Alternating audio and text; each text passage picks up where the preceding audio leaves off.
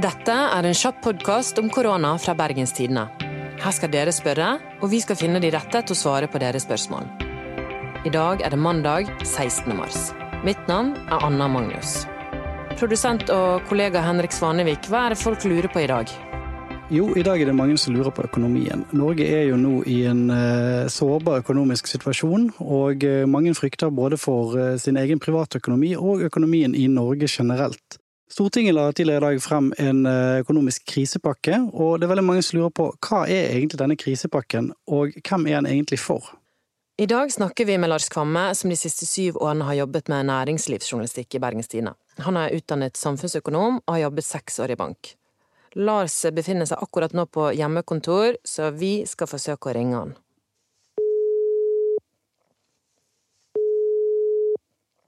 Ja, hallo. Hei, Lars. Det er Anna. Hei, Anna. Du, hva er egentlig de krisepakkene som et enstemmig storting nå har lagt fram? Det er jo eh, flere ting som er blitt eh, lagt frem de siste dagene. Eh, og Før vi begynner så må jeg bare ta litt forbehold om at ting skjer hele tiden her. Så jeg, jeg har forsøkt å, å, få oversikt over dette, men, men eh, et lite forbehold må jeg likevel ta. Og Kort fortalt så handler dette om å sikre bedrifter på den ene siden, at bedriftene skal ha sjanse til å overleve en periode nå uten så mye aktivitet. Og på den andre siden så er det en pakke for å sikre at de ansatte i bedriftene skal kunne klare seg i en eh, periode der de ikke har en jobb å gå til. Hva er liksom helt konkret forskjellen på den hjelpen enkeltmennesket får, sammenlignet med den bedrifter får? Altså For å ta det første først, så er det sånn at de fleste er jo ansatt et sted. Eh, og hvis du er ansatt i en bedrift som ikke har noe mer å gjøre, så er sannsynligheten stor nå for at du har fått et permitteringsvarsel. Um, og Det betyr at du i løpet av uh, en kort periode vil stå uten jobb å gå til, men du er ikke sagt opp. Du er på en måte midlertidig sagt opp. da. Eh, og Det som eh, har vært før, har vært sånn at eh, bedriften har vært pliktig til å betale lønn til deg de første to ukene etter du har blitt permittert. Men nå går staten inn og tar den kostnaden. Og ikke bare det, men de utvider den til 20 dager. Og så For bedriften sin side, så dette, akkurat den biten der gjelder begge deler. Både bedriften og den ansatte. men så I tillegg så er det eh, en del opplegg for bedriftene der de bl.a. kan få lånegarantier fra eh, myndighetene. Som betyr at hvis de går i banken og ikke har noe sikkerhet nødvendigvis for det at de trenger penger, så kan de få en garanti fra staten. Og for litt større bedrifter så går staten også inn i obligasjonsmarkedet og kommer med obligasjonslån til større selskaper. da. Hvilke store selskaper i Norge vil dette være aktuelt for? da? Nei, Det kan jo gjelde flere. Det kan gjelde, her hos oss kan det gjelde offshore-rederier f.eks. Eller det kan gjelde flyselskap. Ja, en rekke selskaper som kan hente penger i obligasjonsmarkedet. Men det er større selskaper. da. Eh, og for veldig mange som det har vært fokus på nå i første omgang, eh, har jo vært litt mindre selskaper. Det har vært butikker og det har vært eh, frilansere og sånne ting som, eh, som, det har vært mye snakk om nå. Spesielt f.eks. frisører. De ble jo stengt på, på, dagen her i forrige uke, så det er jo veldig dramatisk for de.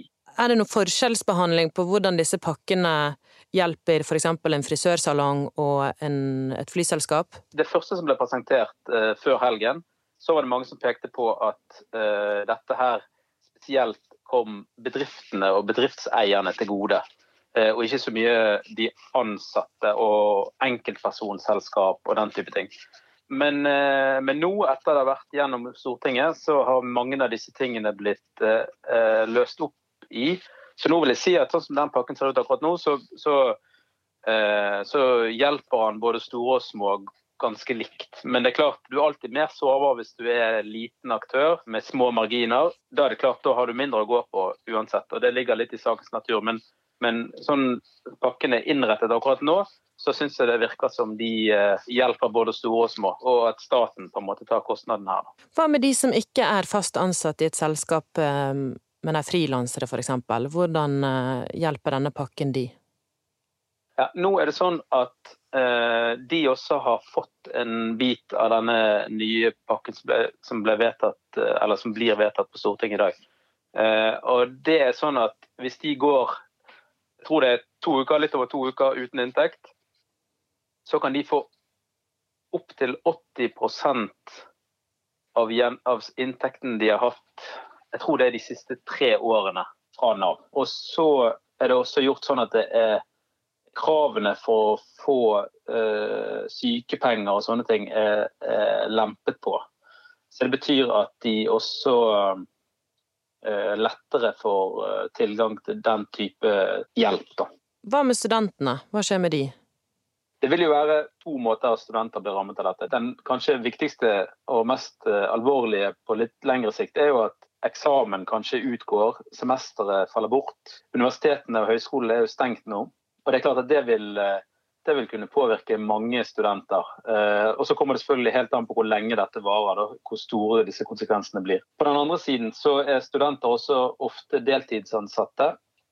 Og mange av de vil også rammes eh, inntektsmessig. Nå har studenter eh, i utgangspunktet fra Lånekassen sin side en, en begrensning på hvor mye de kan tjene før stipendene blir avkortet. Eh, og, eh, så Derfor så er det jo begrenset hvor mye inntekt dette utgjør for en del studenter. Men, men, det er klart at dette vil få økonomiske konsekvenser. De er så langt jeg kan se ikke eh, tatt inn i disse pakkene i første omgang. Eh, unntaket der er de studentene som studerer eh, fag som er relevant for helsevesenet nå. Eh, medisinstudenter, sykepleierstudenter, helsefagstudenter som er på slutten av utdanningsløpene sine der kan de nå gå inn og få jobb i helsevesenet og bidra i krisen. Eh, og der, så vidt jeg forstår, så skal også dette taket på hvor mye de kan tjene før stipendet blir avkortet, det skal heves for denne, denne gruppen av studenter. Hvor kommer alle disse pengene fra? Så Norge er jo ekstremt privilegert. Vi har jo veldig mye penger på bok. Og til syvende og sist så kommer jo disse pengene fra oljefondet. Det er jo der vi må hente dem. Eh, men eh, som jeg sier, så, så, har jo vi mye penger, og det, det, gjør at vi er i en helt unik situasjon når denne type kriser rammer oss, eh, sammenlignet med veldig mange andre land som vi ellers sammenligner oss med. Du nevnte, Lars, at nå har jo permitteringsreglene har økt til 20 dager, som regjeringen tar prislappen på. Men hva om denne krisen bare fortsetter, og hva skjer, et, hva skjer da etter de 20 dagene? Det er jo ikke det noe klart svar på foreløpig. Sånn som reglene er akkurat nå, så betyr det at etter 20 dager så vil man da måtte gå over på dagpenger fra Nav. Og i en del tilfeller så vil folk kunne bli oppsagt, med mindre det kommer nye pakker. Da. Det er jo grunn til å tro at det til en viss grad vil komme nye pakker, men hvis dette varer lenge, så vil bedrifter gå konkurs, og folk vil miste jobbene sine. Hva tror du disse eventuelt nye pakkene vil inneha da? Jeg tror jo, basert på det regjeringen har sagt, at de er villige til å strekke seg langt for å redde bedrifter som man mener har livets rett. Eh, men det betyr jo samtidig at en del bedrifter som har eh, drevet litt marginalt, kan man si, kan risikere å, å måtte rett og slett gå over ende. Eh, og det kan ramme en del bransjer, spesielt innenfor reiseliv og kulturfelt og sånne ting, der det ikke nødvendigvis er store, solide selskaper. Så, så det vil jo få det vil få store konsekvenser der. Og, eh, men for å være litt sånn optimistisk, så, så, vil jo verden bli normal igjen på et eller annet tidspunkt. Og da vil jo forhåpentligvis etterspørsel etter disse tingene komme opp igjen. Så, så om det skulle gå så lenge at, at bedrifter går over ende, så vil det forhåpentligvis oppstå nytt, en ny etterspørsel og et nytt marked for dette eh, når ting normaliserer seg. Tusen takk for at du tok deg tid til oss, Lars. Helt i orden. Ha det godt. Ha det. Ha det. Vi er tilbake i måneden med et nytt spørsmål. Følg med på BT sin løpende koronadekning på bt.no. Mitt navn er Anna Magnus, og produsent var Henrik Svanevik. Lurer du på noe, send meg en e-post på anna.magnus.bt.no.